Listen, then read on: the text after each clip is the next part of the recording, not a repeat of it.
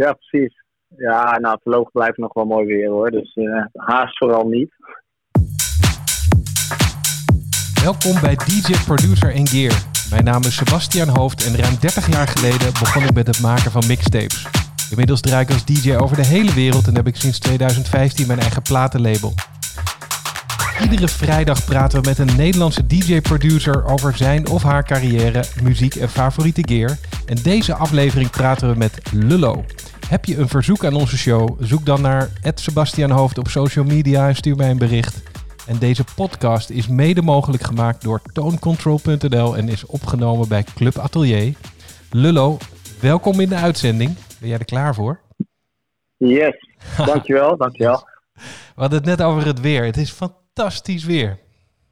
Ja, echt studio weer hè. En jij zei van, uh, dit is het laatste wat ik doe en dan ga ik lekker de zon in. Ja, toevallig uh, mijn vriendin die uh, heeft een middagje vrij. Dus ja, we hebben besloten om straks even te gaan hardlopen en daarna in het zonnetje te gaan zitten.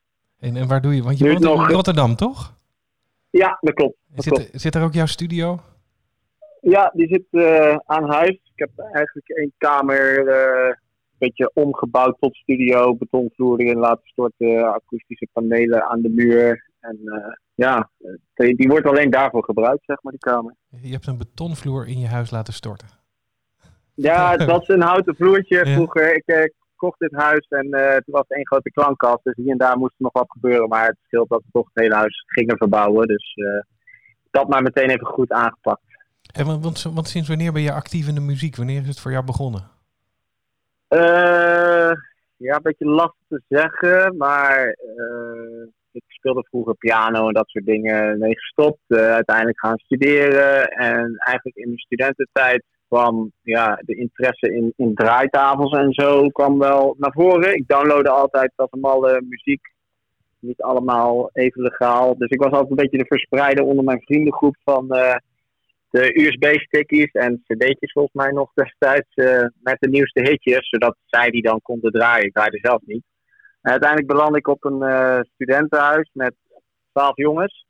En elke keer als we daar een feest hadden, er was één jongen die, die draaide al, die, die zette daar zijn draaitafels neer. Dus ja, eigenlijk uh, werd daarmee mijn interesse ook een beetje gewekt. Dus een beetje klooien achter de draaitafels op het moment dat de feestjes afgelopen waren, zeg maar.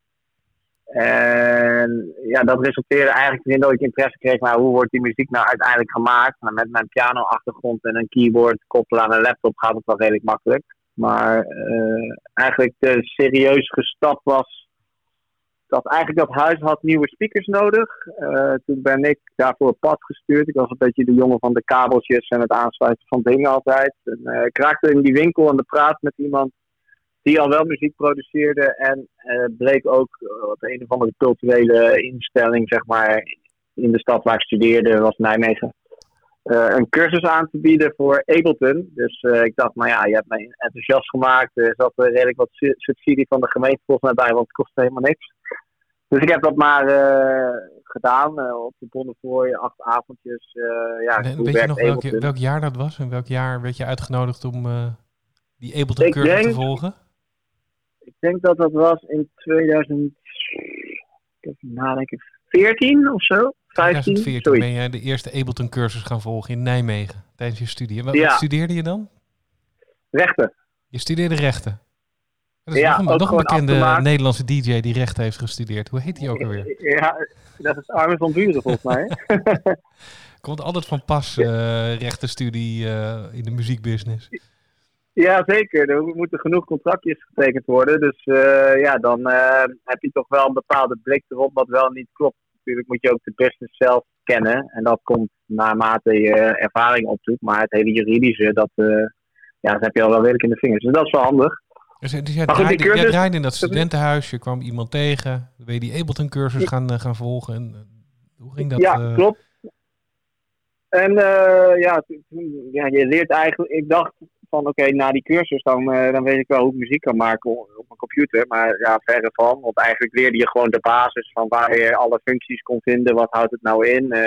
hoe ziet het arrangement van een plaat eruit? Nou ja, gelukkig was ik al een klein beetje muzikaal, dus dat had ik wel snel door. Maar het hele uh, ja, eindproduct wat je maakt, dat komt natuurlijk in je vrije tijd. Dus nou, gelukkig op de universiteit heb je niet zo veel verplichtingen. Dus ik kon daar wel de tijd voor nemen. En ik weet nog wel dat ik één zomer echt ja, niet echt veel op vakantie ben geweest, maar heel veel uren eigenlijk overdag achter mijn uh, laptopje heb gezeten. En ja, het enige wat je eigenlijk kon doen was illegale remixes maken van bestaande tracks. Want niemand wil natuurlijk met jou nog echt een studio in kant-en-klare vocals, die krijg je niet. Dus dat heb ik toen gedaan. Uh, en uiteindelijk, na een paar keer proberen, heb ik maar wat online gegooid op Soundcloud. En vanaf daar begon het eigenlijk een beetje te lopen. Een remix die uh, was van een meisje, Anna Graceman. Die uh, werd opgepikt door Kygo, uh, waardoor ik eigenlijk al snel uh, over de miljoen streams ging. En, dat dat ja, zeg je wel zo makkelijk, werd opgepakt door Kygo. Maar hoe, hoe wist Kygo dan van jouw Soundcloud-account af? Nou ja, we hadden... ik, ik denk dat in Soundcloud, dat was toen redelijk nieuw. Dus als je, als je een bepaald moment veel streams kreeg, was je al redelijk snel trending. En ik weet zelf nog wel dat, ik maakte toen ook wat mixtapes gewoon met... met wat was dat, Tractor volgens mij. Gewoon eigenlijk voor die vrienden van mij op het huis en een beetje voor onze studeermuziek. Maar mijn muziek pikte ik altijd daar vandaan. Op een of andere manier, ik had het toevallig laatst met wat luider ook over. Daar haalde je on onontdekte muziek vandaan. Dus in plaats van wat je nu echt uh, ja, daar kapot gespamd wordt met allemaal uh, bootleg packs voor, ja, laten we zeggen, een beetje de urban scene. Was toen Soundcloud een beetje leading in de sound ja, waar, waar ik probeerde te produceren, laat ik het zo zeggen. Muziek Discovery. En hoe zou je dat omschrijven? Je zegt proberen. Welk genre was dat dan? Waar? Uh, ja, wat, dat heette toen uh, Tropical House, maar het was eigenlijk, ja, en mensen noemden het Deep House, maar hoe ik het Deep House kende, dat is ja, natuurlijk heel anders. Het was eigenlijk een beetje dat dance vibeje van, van ja, Lost Frequency, Zandveld, Kaigo, wat toen op kwam zetten, Robin Schulz, Bakermat. Dus het, ja, eigenlijk een beetje beatje onder, onder standaard nummers die iedereen al kende. Makkelijk meezingen, catchy, vrolijk, uh, feel good. Wat sprak jou daar dan, dan, dan in aan? Ja, dat, dat het gewoon zo le lekker makkelijk in het gehoor lag. En uh, heel toegankelijk. Uh, ik bedoel, ik hou, ik hou ook van harde muziek. Ik vind techno op zijn tijd ook, ook gaaf. Maar dit kon overal. Dus ja, dat huis waar wij woonden werd dit vooral ook geluisterd. En de ene na de andere producer die popte op. En hoorde je uit de ene kamer weer dit liedje. En uit de andere kamer dat liedje. En als we dan met z'n allen in de tuin zitten, dan, dan werd er weer een mixtape opgezet. Ja, dus dat was hetgene wat toen naar mijn mening gaande was. En waar ook op, uiteindelijk bleek dat grote labels daar op een gegeven moment ook optoken. Voelde je dan onderdeel van een, van een community, van een stroming in de muziek? Uh, nou, dat denk ik niet. Want ik deed het echt vooral alleen. En naarmate ik zeg maar meer ging posten en, en dingen meer bereikt kreeg, ja, dan zoek je wel wat andere producers op die een beetje hetzelfde doen. En dan vorm je wel een soort van een groep. Maar ja, het was meer om feedback en zo te vragen. Maar niet uh, dat we nou wekelijks bij elkaar zaten of zo. Of een of andere chatgroep hadden. En welke producers in die tijd had je dan veel contact mee? Uh, ik, een van de eerste met wie ik contact kreeg was Kaffe Hauser. Uh, en daarna denk ik Sam Veld. Ja, en via hem weer. Ja, wie waren dat allemaal? De Him. Uh, Mike Magoo. Ja, dat soort lui allemaal eigenlijk. Wat, in welk jaar is de naam Lullo dan ter sprake gekomen ja, voor het eerst? Uh, ja, dat kwam eigenlijk gewoon door het studentenhuis. Uh, ik, ik had, voordat ik echt muziek ging maken, maakte ik dus al wat mixtapejes. Ik had met wat vrienden had ik een Facebookpagina opgezet waarin wij eigenlijk een beetje van die uh, studentenkozen uitspraken aan het posten waren. En nou, dat, dat liep heel goed. Uh, je had toen de pagina's gespot, dubbele punt met elke ruimte, weet je wel, waar je dan een berichtje naar de beheerder kon sturen van ik zou graag met die in contact willen, willen komen, maar dan anoniem. En daar hebben wij een studentenkoos variant van gemaakt. Dat ging niet om contact maken, maar meer om de boel een beetje uh, met een knipoog af te zeiken. Ja. En dat groeide als cool, heel veel likes erbij. Toen dachten we, hoe kunnen we dit uitbreiden? Nou, één onderdeel wat daarbij goed zou vallen was eigenlijk mixtapes voor onder het studeren. Dus toen dachten we, nou, noemen we chille beats voor onder het zoggen. Studenten, studieontwijkend gedrag. En ja, daar moest dan een naam bij komen, want ik ging die dingen maken, want ik was de enige die dat kon. En nou, met een knipoog iets zieker gespeld Lullo, want ja, dat studenticoos, dus E-A-U-X. En uh, ja, daar bouwde ik in, op mijn Soundcloud-pagina dus een following uiteindelijk ook door op. En ook een Facebookpagina waar ik dan elke keer die nieuwe mixjes posten. Ja, en toen het dus serieuzer werd, toen uh, ja, had ik die following, die wou ik niet weggooien. Dus ik heb die naam maar gehouden. En het is ook eerlijk gezegd wel een best wel leuke ijsbreker, want iedereen begint erover. Ja, die, het, ligt wel, het is met dubbel L, hè, Lullo, zoals, zoals Bordeaux, ja. hè, dubbel L. En, uh, ja, precies. En de, maar het, het, klinkt alsof jij veel aan de, aan de student, studentenwereld te danken hebt. Hè? Je bent daar in een studentenhuis voor het eerst gaan draaien, jouw mixtapes werden daar geluisterd. Uh, je hebt zelfs je naam uh, aan die wereld te danken. Ja, ja zeker. Hoe is het, ja, hoe is het afgelopen met jouw studie? ben je nu beëdigd advocaat? Nee, niet beëdigd advocaat, maar wel meester in de rechten afgestudeerd. Ook in het begin, zeg maar, toen ik afgestudeerd was, uit financiële overwegingen een beetje in de ja, parttime werkzaamheden gegaan. Maar al snel erachter komen van, ja, als het moment daar is en ik kan door in de muziek, dan ga ik dat wel doen. Want dat is ja, van je hobby je werk maken, hetgeen wat ik het allerleukst vind. Maar ja, ze zeggen wel eens, uh, studeren is ook je studententijd maximaal benutten. Nou, ik denk dat ik dat wel heb gedaan, maar dus ook dit soort dingen waar je helemaal niet op rekent, komen daar dus dan uit. Want, het was nooit mijn ambitie ook om, om producer te worden of zo. Want weet je nog wanneer, wanneer je voor het eerst bij jezelf dacht van... hé, hey, ik ben een professioneel producer. Ik kan hier een boterham mee verdienen. Uh, maar ja, na die bootlegs dus, die begonnen te lopen, toen ben ik op een gegeven moment meer bootlegs gaan maken. Ik weet niet of je het liedje nog kent, When the Beat Drops Out van Marlon ja. Uh, Goed Maar ja, daar had ik ook illegale versie van gemaakt. En op een gegeven moment werd ik benaderd door Sony. Van ja, we willen die remix official uitbrengen op Sony UK. En zo ging het bij nog een plaat op Universal. En toen had ik op een gegeven moment dus uitnodigingen gekregen van we willen met jou eens gaan praten over een. En toen dacht ik, hé, wat is dit nou weer? Word ik in de maling genomen? Ja, die e-mailadressen die zoek je dan op. De namen die eronder staan, uh, bleken echte mensen te zijn. Ja, jij kreeg een e-mail van Sony. Gewoon, hadden ze op, jou, op jouw Soundcloud gekeken en jou een e-mail gestuurd? Ja, ja. Van, uh, ja, eigenlijk een beetje van, ja, ja, wat jij hebt gedaan, dat mag niet. Want je hebt geen toestemming van ons, maar we vinden het zo tof. Dus we willen daar een official release van maken. Nou, dat is wel de, de, droom van iedere producer, toch? Dat je benaderd wordt door Sony en dat je eerst denkt van, oh oh, die komen mij aanpakken. Maar dat ze eigenlijk gewoon helemaal eh, dol zijn op jouw sound. Ja, precies. En ja, zo ging het eigenlijk. En ik ben ook op gesprek geweest. Ik wist, dat was het enige waar ik tegenaan liep. Ik kreeg dan een soort van voorstellen onder mijn neus geschoven van uh, vijf singles uh, willen we met jou gaan doen.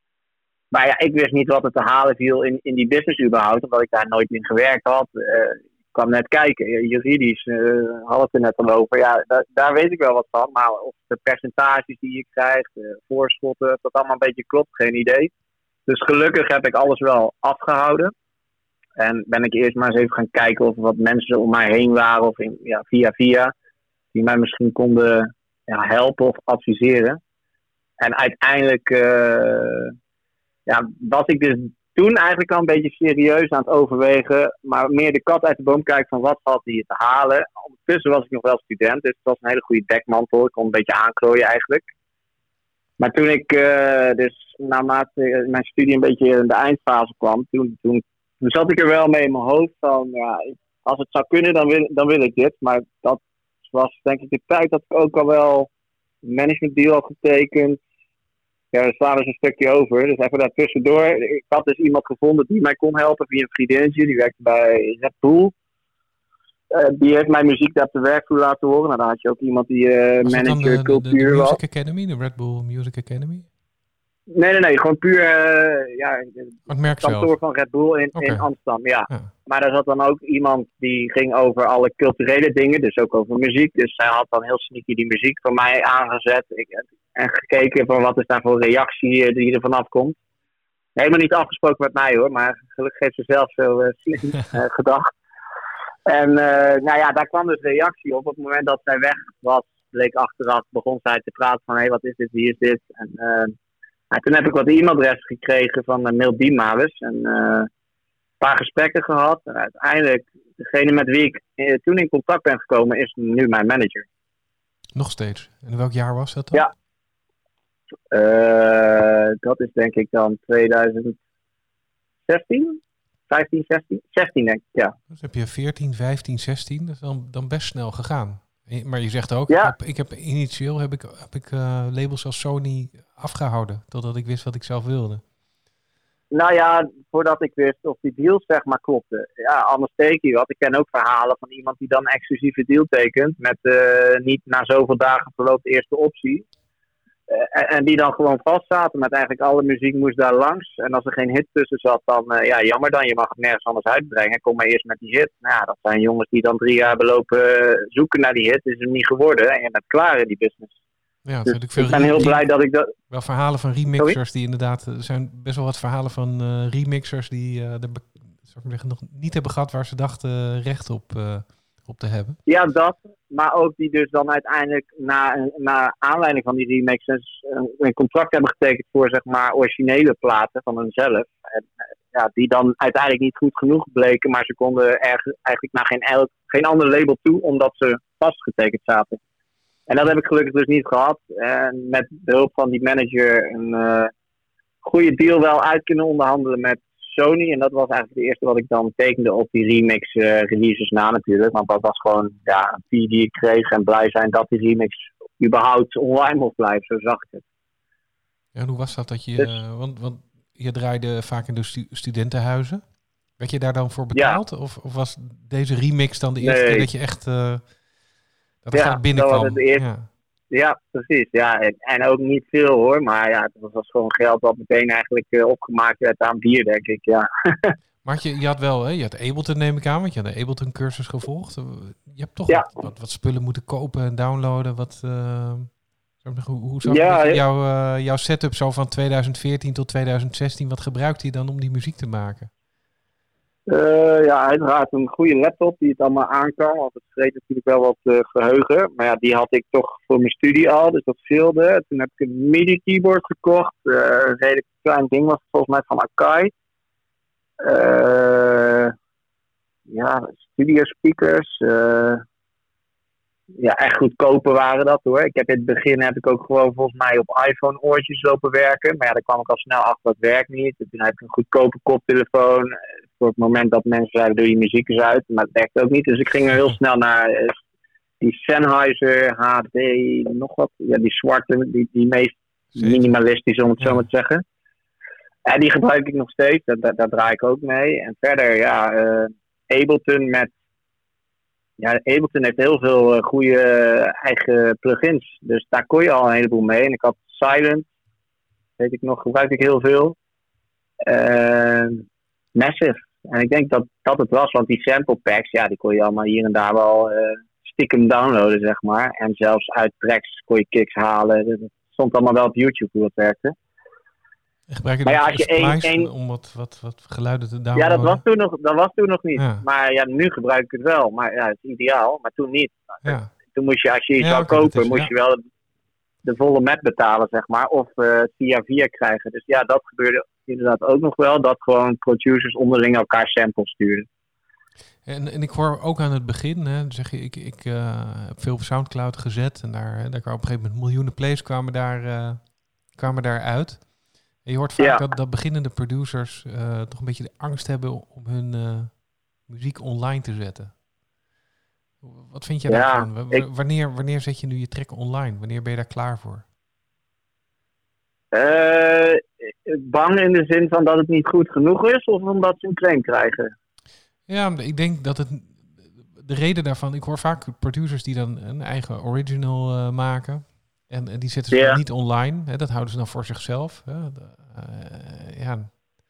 Dan zeg ik wel eens van, joh, oh, zet het gewoon online. Op die manier. Ja, ja ik, ik denk, uh, als je het niet online gooit en het blijft op je computer, dan weet je zeker dat er niks gaat gebeuren. Dus dan zou ik het maar online gooien. Ja, en ik denk vaak ook als alle elementen die erin zitten, de, de, melodietjes en zo goed zijn, dan, en het is niet een hele goede productie, dan is er altijd nog wel iemand die daar doorheen kan kijken. Dus ja, als je de kans wil dat je ontdekt wordt, dan uh, moet je het zeker online gooien, juist. En, we waren in 2016 hè, bij, bij, uh, bij de muziek. Ja. Je, je, je hebt een management gevonden, hè, via via. Eh, je Ja. hebt bij Sony een aantal tracks getekend en, eh, en, en opgeleverd. Ja. Wat gebeurt er dan? Ja. En dat is de droom van iedere beginnende producer hè, bij Sony.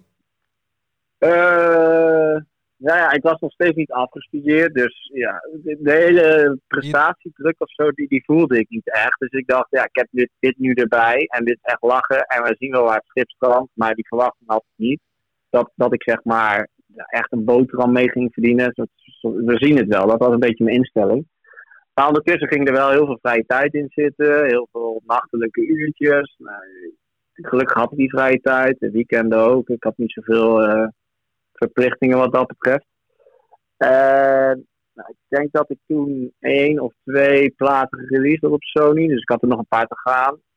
Maar op een gegeven moment, toen eh, kwamen er wat boekingsaanvragen. Denk je ook, het zal wel.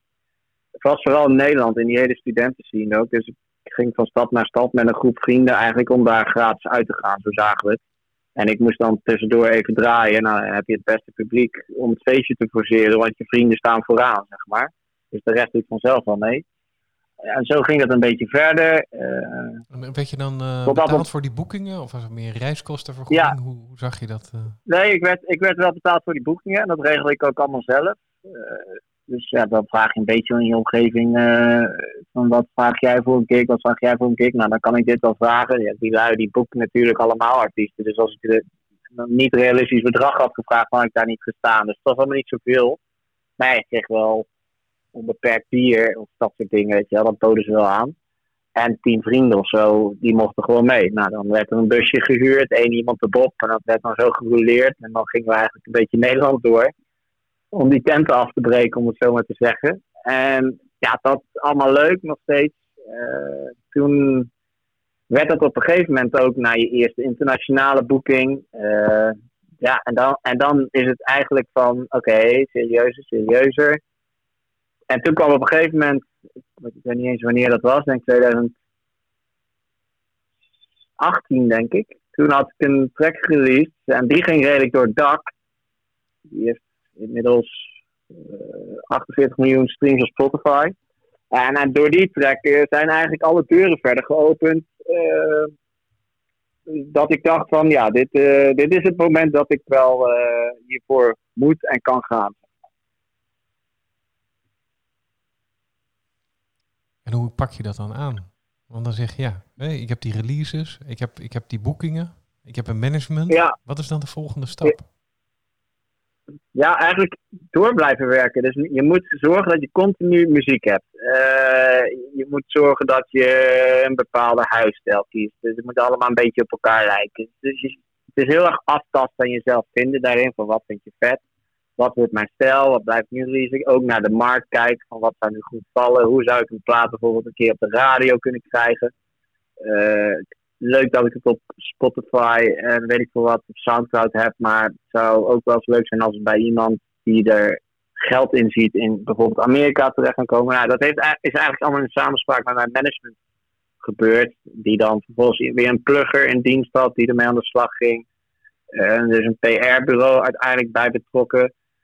En dat was ook wel het fijne van mijn management, dat ik niet alles zelf hoefde te, te lappen. Er werd heel veel voorgeschoten. En wat zij dan vervolgens weer konden terugverhalen op mij voor een deel als ik ging verdienen. Dus zij investeerden mee, zeg maar. En dat gaf ook wel een heel fijn gevoel. Dat ik niet dacht van ja, ik kan nu wel allemaal geld uit gaan geven aan iets waarvan ik helemaal niet weet of het zin heeft. Maar dat zij dit willen, dat zegt wel iets.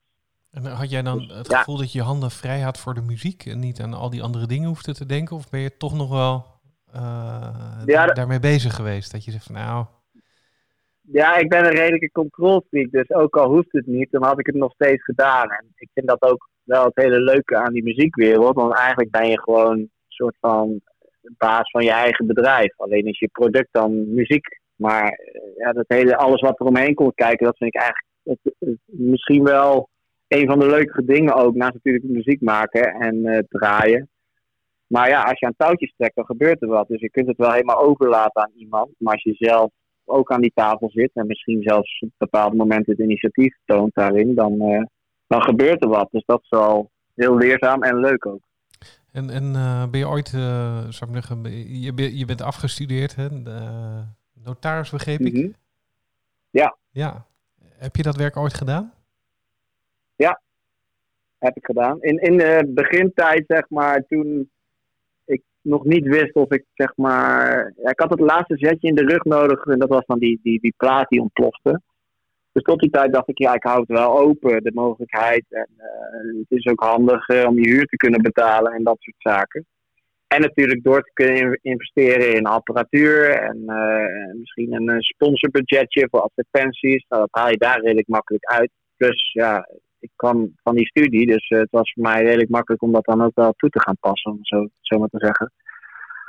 Nou ja, uiteindelijk, uh, ja, ik heb, ja, je hebt een meestertitel, die krijg je dan. Dus ik vind dat soort verhaal leuk, maar ook voor ja, alles wat ik eraan te danken heb en de kennis die ik meeneem. Maar ja, je weet nooit hoe het loopt. Hè? En uiteindelijk ben ik blij dat het dan richting de muziekkant is gevallen.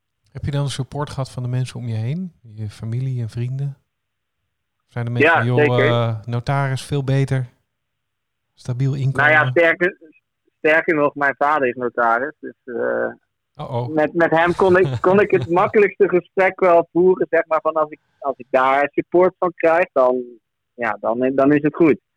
En ja, gelukkig, uh, mijn ouders die uh, staan altijd achter me en die uh, zeiden ook van ja, ook al zeggen we doe niet, we kennen je langer dan vandaag, dan ga je toch wat doen. Want ik krijg altijd van ja, wat als, stel ik zeg nu ik doe het niet, dan krijg ik over twee jaar spijt omdat ik niet weet wat eruit viel te halen, zeg maar.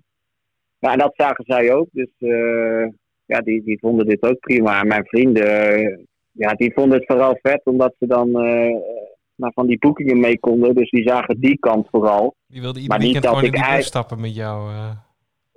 ja, ja, precies. Ja, die zien dat, maar die zien niet dat ik eigenlijk per dag, weet ik hoeveel uur, eigenlijk als een nerd naar een scherm zit te kijken. En allemaal dingen moet verzinnen. ja, dat zien zij niet. Zij zien alleen de buitenkant. Dus ja, het is een beetje lastig het, om... Het eindresultaat, de, de beloning delen ze met jou. Maar ja, precies. Wat, hoe, hoe, ziet jou, ook... hoe ziet jouw dag er nu, nu uit? Hè? Hoe laat sta je op en, en wat ga je dan doen?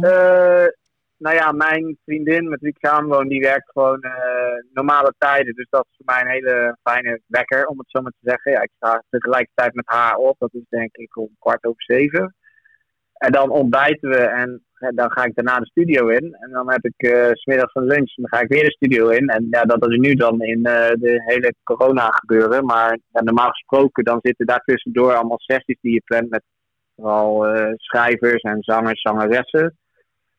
Om tot eventuele ja, toplijntjes voor nieuwe tracks te komen of instrumentals die je hebt gemaakt om die te voorzien van een, van een leuke zanglijn ja, dat deed ik redelijk veel. Om dan ook nog wat aan het schrijven van platen, zeg maar, uh, iets te kunnen verdienen. Maar ja, nu is het vooral uh, alleen in je studio en alles moet via de mail en FaceTime, dat soort dingen. Want de muziek, maar, die, de muziek die je maakt, hè? je kan natuurlijk onder je eigen naam maar beperkt aantal, je kan niet ja. iedere dag een release uh, doen.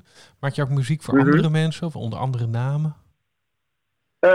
ja, maar ja, dat schrijven dus, produceren wat ik heb ook heel veel toplijntjes waar niks mee gebeurt, zeg maar. Waar ik van zeg, nou, ik ga hem toch niet pakken, het valt niet helemaal lekker. Die komt dan bij iemand anders uit. Of platen ja, waar je aan meewerkt, maar uiteindelijk je naam niet aan wil vinden. Ja, er zijn heel veel mogelijkheden.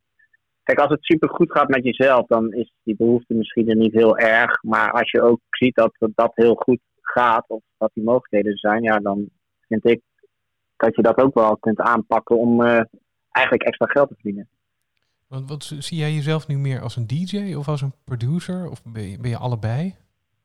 Nou, ik zie mezelf vooral als een producer. En uh, dat draaien komt erbij. Ja, want doordat ik bepaalde nummers heb gemaakt en die online heb gegooid, werden er op een gegeven moment aanvragen gedaan voor boekingen. Maar ik ben van origine zeker geen DJ. Ja, dat behalve dat aanklooien in de studententijd. Maar, maar je leert het wel op een gegeven moment door meer te doen. Maar ja, ik weet nog wel dat ik. Uh, eerste keer naar het buitenland ging. En ja, toen echt zo zenuwachtig als wat was. Want wat waren mijn draaiuren nou die ik echt had gehad voor zoveel man in een club waar mensen dan een entreekaartje gingen kopen. uiteindelijk ging het allemaal goed, maar ja, je springt wel in het diep of zo. Wat ook wel weer extra vet is. Want als het dan lukt, dan geeft het een extra grote kick. Weet je nog welk land het was? Waar, waar, uh, waar ging je voor het eerst over de grens draaien? Uh, dat was volgens mij in Parijs. Ja. Oh ja, ik twijfel tussen Duitsland en Parijs, maar ja, volgens mij was Parijs. En dat was dan ook wel weer grappig, want toen draaide ik in een show waar na mij draaide dan Sam. Dus, Oké. Ja, zo, nou, dan pak je ook wel dat, Parijs, is ook wel een plek waar het... Uh, dat is ook een van de meest Ja, die luisteren... Precies, ja, dat was in, uh, in een club ook onder de grond volgens mij. Ja, die lui die zijn helemaal gek. Die, uh, die nog nooit zoveel springende mensen zeg maar aan één stuk door. Niet, normaal is het een drop en dan wordt gesprongen en dan kakt iedereen een beetje in en dan weer bij de drop te springen. Maar deze lui, schijnen ze ook bekend om te staan, kwam ik toen achter. Ja, die gaan gewoon in één stuk door. Dus uh, dat maakt het ook wel. Ik, ik heb zelf een keer gehad, in Parijs. Ik ben, ik ben altijd bang dat, dat, dat ze niet uh, dat ze mijn rider hebben genegeerd. Dat is altijd mijn eerste oh, angst. Van, oh, er staat heel wat anders als waar, waar, ik, uh, waar ik mezelf comfortabel mee voel. Maar ja, ja, ja. In, in, Parijs gebeurde iets heel anders. Ik, uh, we liepen naar de club en ik zeg, nou, kom draaien. En toen zei de portier, zei, ja, maar er is al een DJ. Ik zeg, ja, dat kan best, maar ik ben geboekt om te draaien. En toen zei hij, wat is je naam? Nou, dit is mijn naam. En hij staat niet op de gastenlijst. Ik zeg, nou ja, ik weet niet of de DJ's hier op de gastenlijst staan, maar ik ben gewoon geboekt om hier te komen draaien. En toen hebben we nog drie, drie, kwartier voor de deur van de club gestaan, totdat de promotor heel toevallig naar binnen kwam. En, uh, en konden, we, konden we meelopen. Anders had ik niet eens... De, ja, ze hadden al wel betaald, dus dat zei ik ook van ja, mij maakt het niet uit. Maar dan ga ik weer weg, ja. ik wil best wel naar huis gewoon weer een croissantje gaan eten morgenochtend. Maar uh, ik wil wel een beetje werken voor mijn geld. Ik dacht natuurlijk ook van ja, dat gaat helemaal mis. Want dan uh, krijg ik achteraf gezeur. Want dan uh, zeggen ze dat ik niet op ben komen dagen. Dus we hadden een foto gemaakt dat ik voor, voor de club stond uh, samen met de portier.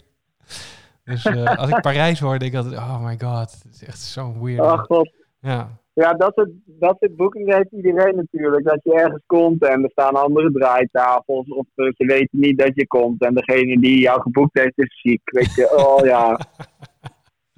Je maakt allemaal mee. En dan in, al helemaal in, in de niet, niet zo serieuze fase, als je met je vrienden aankomt, ja, dan uh, zeg maar een tourmanager is op zich wel handig. Die dat dan oppakt. Ja, ja Sam heeft uh, Farouk. Ja, ja dan, uh, komt ook uit Nijmegen. Ja, ja, ja, ja, ja. ja. Dat, dat is echt een warm bad. Als je ziet hoe dat gaat. Ja, precies. Ja. ja. En, en ehm, welke apparatuur gebruik jij nu het liefste als je, als je zelf draait? Wat, wat moet er dan staan? Ja, gewoon standaard Nexus CDE 2000. Ja, CDE 2000 Nexus. En eh, DEM, dat maakt niet zo heel veel uit.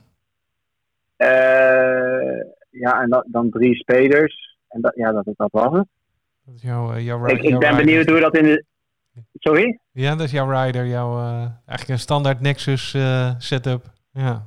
Ja, met, met de monitors, waar, waar ben je benieuwd uh, ja, ja hoe, hoe het in de toekomst gaat, zeg maar. Want ik, ik merk nu dus al dat uh, releases die, die, die, waarvan je een extended versie hebt voor de, voor de DJ's, die worden nu allemaal op Soundcloud, Spotify, allemaal standaard gaan releasen. Omdat ze zeggen dat straks dat allemaal gestreamd wordt naar je CD-spelers rechtstreeks. Dus waar je nu nog een USB-stick moet meenemen, schijnt dus in de toekomst niet meer te hoeven. Ja, ja, ja daar zou dan ook wel weer een. Sport heeft dan nu uh, daar, een, uh, daar een dienst voor. Dat je gewoon uh, het streamt naar je speler. Maar ja, ik weet niet goed internet in een club. Ik, ik weet het niet hoor. Nee, ja, je bent toch weer afhankelijk. Uh, ja, maar zo ben ik ook wel eens bang voor of mijn USB-stick niet uh, vies is geworden, weet je wel, en het nog wat doet. Dus dat check ik ook elke keer wel. Ja, heel uh, een halve tik is het bijna. Maar ik heb ook altijd een, twee backup sticks mee met precies hetzelfde erop, dan mocht het niet werken. Of mocht één CD-speler de link niet werken, je weet het niet hè. Je blijft afhankelijk van techniek. Ja, Recordbox is wat dat betreft nog wel een van de engste stukjes software ter wereld, denk ik. Ik heb ooit een interview gezien met, uh, met Martin Garrix, die, die dat ook meemaakte. Een lege USB-stick in de, in de boot. En sindsdien heeft hij iemand in dienst die dat voor hem doet, begrijp ik. Dus die, die is verantwoordelijk voor de hele organisatie van de USB-sticks en het uploaden. En, ja, dat is, ik snap dat hij dat doet, zeg maar, op die grote, maar dat doe ik nog lekker zelf. Maar ik check het dus wel altijd, want ja, ik heb ook wel eens gehad dat al mijn Q-point of zo het niet deden. Ja, dat, en dan bleek het weer geen Nexus 2 te zijn. En daar bepaalde dingen dan ook weer anders over werden genomen. Ja, zo kom je van alles tegen wat je van tevoren niet kunt verzinnen. Maar uh, je leert er alleen maar van. Maar om terug te komen op mijn, uh, mijn apparatuur. Uh, in de studio is het eigenlijk gewoon Akai MIDI keyboard. Een grote Adam, wat heb ik? A7X speakers als monitor heb ik een groot uh, als ledscherm en ja, de rest staat allemaal op mijn, uh, mijn laptop. Maar ja, waar ik dus eerst vooral heel veel werkte met de Ableton Sounds Silent en Massive, is dat nu heel veel Serum. Uh, ik gebruik in elke track Native Access of Instruments, dan Contact, die hele pack heb ik. Complete 10 is dat volgens mij, of 11. Uh, ja, en dan, en dan door middel van splice en weet ik veel wat, dan bereid je je sample pack wel een beetje uit. Maar ja, op een gegeven moment heb je wel een sound gevonden. Dus blijven alle kicks die je gebruikt hetzelfde, claps, snares. Dat is in het begin denk ik het allermeeste zoekwerk om een bepaald template voor jezelf te bouwen, hoe je heel snel kunt werken. Want als je met een leeg scherm werkt en je hebt niks, en je moet heel internet nog afzoeken, ja, dat heeft me wel heel veel tijd kost. Nou ja, ik hoor een hele vette synth in de nummer. Ja, waar haalt hij dat vandaan? Ja, dat zit uit Silent. Maar ja, ik denk dat iedereen die Silent voor het eerst opstart, die hoort die, uh, die ARP. Dat gelijk en denk je, ja, is, is, dit, is dit het dan? Nee, dat is het niet. Maar je moet dus, dan leer je aan die knoppen draaien. Het is gewoon uren maken, uren maken. En dan uh, op een gegeven moment heb je je vaste structuur wel gevonden. Maar ja, dat, dat heb je niet 1, 2, 3. Ja, dat, dat hoor ik ook terug in, jouw uh, in jouw ritme. Dat je echt gewoon s ochtends ontbijt en dan echt aan de slag gaat, dat je het ook echt als, als, als, als werk ziet waar je een uh, werkritme, werkritme hebt. Dus heb je ook ja. uh, een workflow en een, en een planning. Eh. Ja, zeker. Ja, is wel eens anders geweest hoor. Want toen ik dit dus een beetje deed, deed in mijn studententijd, en ik heb ook al een externe studio gehad, ja, dan ging ik daar ook wel s'nachts heen. ik weet niet, omdat dan, je hoort wel eens s'nachts meer inspiratie. Je wil het wel even uittesten. Op een gegeven moment denk je dan, ja, dat, dat, dat is zo. Ja, aan de andere kant, dan de conclusie wil trekken dat ik het. Voor mij is het in ieder geval echt bullshit. Want ik moet gewoon gaan zitten en gaan doen. En dan gebeurt er wel wat. En uh, ik ben liever dan uitgerust. Dan dat mijn hele ritme ja, naar de kloot is, om het zo maar te zeggen. Lekker fris. Want dan krijg je automatisch.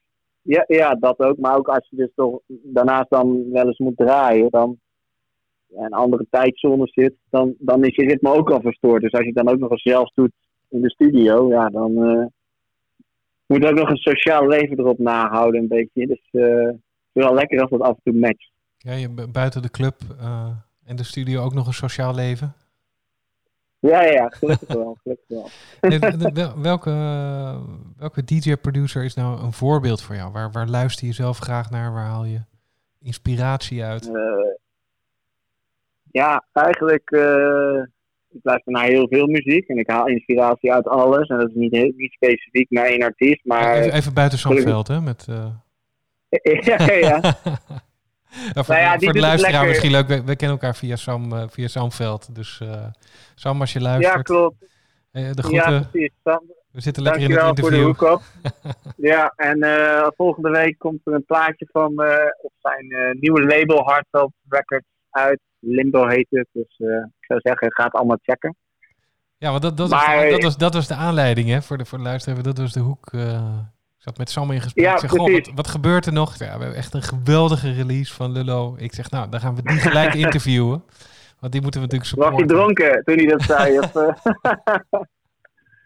nee, ja, klopt. Ik heb met Sam dus eigenlijk al vanaf, uh, wat ik zei, die boeking in Parijs. Daarvoor had ik al contact. Nou ja, hij is natuurlijk sky high gegaan. En nou, echt, echt een grote naam geworden. Maar uh, altijd wel contact gehouden. En toen kwam op een gegeven moment zijn label in de picture. En toen vroeg hij van, ja, heb jij nog muziek misschien voor mijn label? En uh, al helemaal toen ik hoorde dat hij dat met spinning ging doen. Nou, dan weet je wel dat hij serieuze plannen heeft. En uh, ook de andere namen die daar al getekend hadden. En, ja, toen kwamen we eigenlijk al snel op één demootje uit.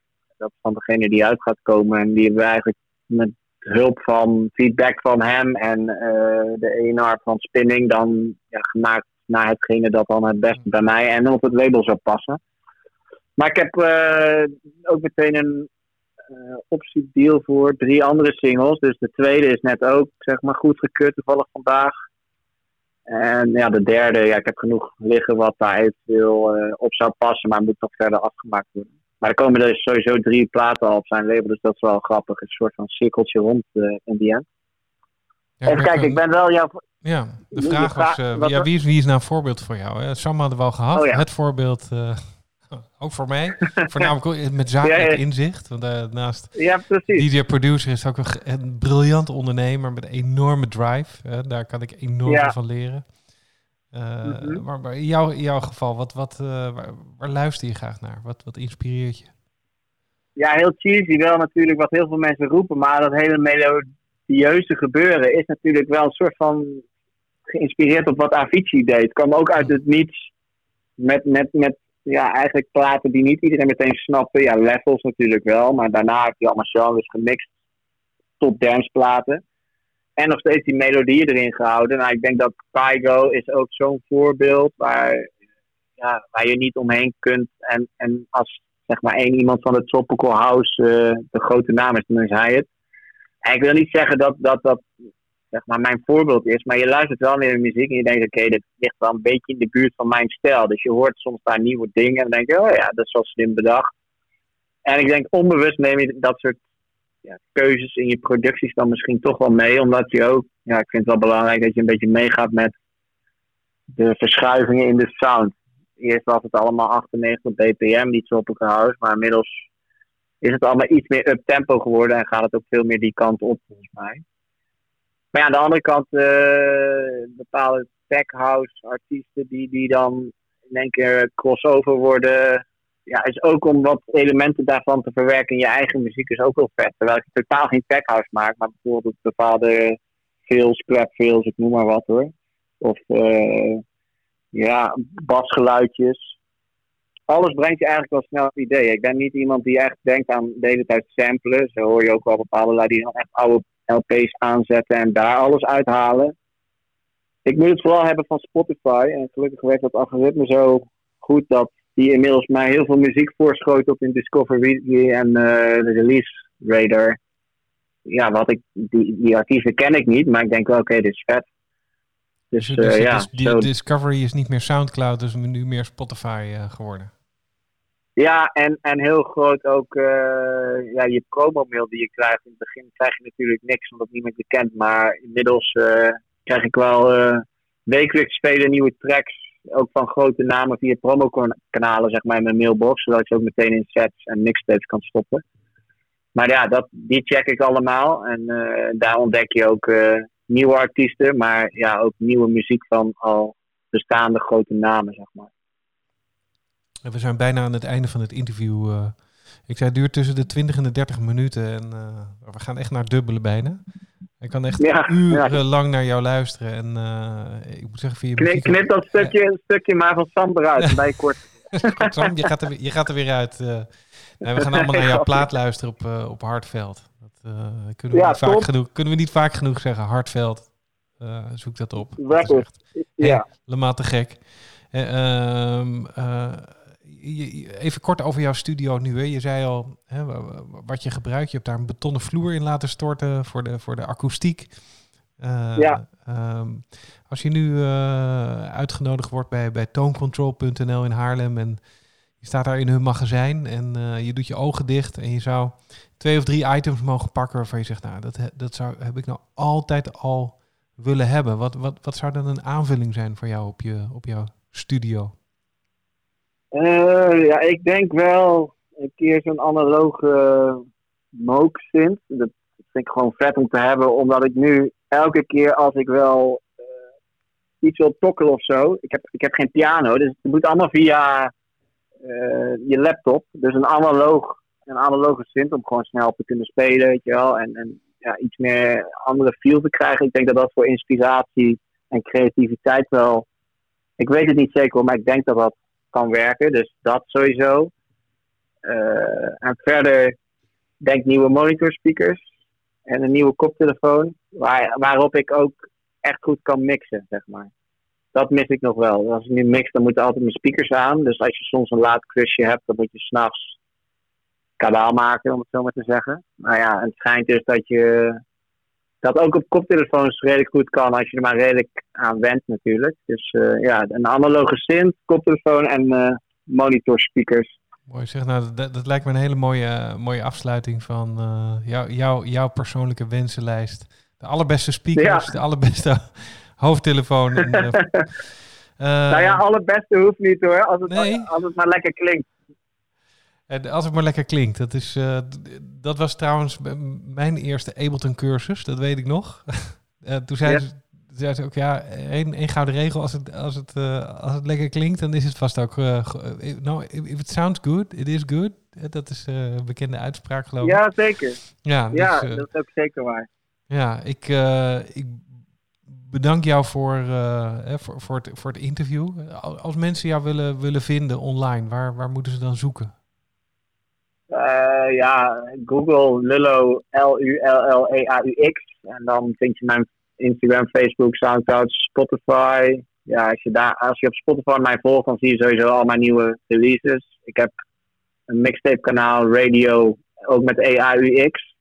Waar al mijn mixtape op komen. Dus uh, ja, dan ben je wel goed voorzien, zeg maar. En, en als, ik, uh, als ik aan het produceren ben en ik, uh, en ik wil eens een keer feedback hebben van jou, kan ik jou dan benaderen of zeg je veel liever niet? Ja, ja zeker. Dat, Doe, dat doe ik best wel vaak. Via, via Soundcloud ook even een private link sturen? Of hoe moet ik dat doen? Ja, stuur me een DM op Instagram of mail me op info.lillo.com. Dat kan ook. Uh, ik doe het vaak genoeg hoor dat ik feedback geef. En uh, ik sta, sta, er ook zeker voor open als de plaats zeg maar, in mijn straatje valt. Om, om samen af te maken en eventueel samen te releasen. Maar dat, wow, dat, dat doen meerdere luiden. Dus ja, als, als, dat, dat vind ik ook wel leuk. Want zo word je zelf ook wel eens in het begin op sleeptouw genomen. Dus ik vind het ook wel leuk om nieuwe gasten op sleeptouw te nemen. Nou, geweldig, geweldig aanbod. En 6 juni, dan, dan komt die uit. Ja. Dan gaat het gebeuren op Hartveld. Ja, Limbo op Hartveld Records.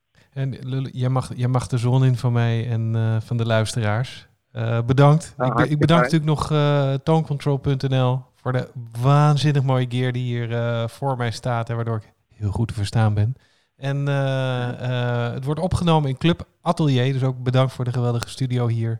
Ik wens iedereen nog een hele zonnige dag en bedankt voor het luisteren.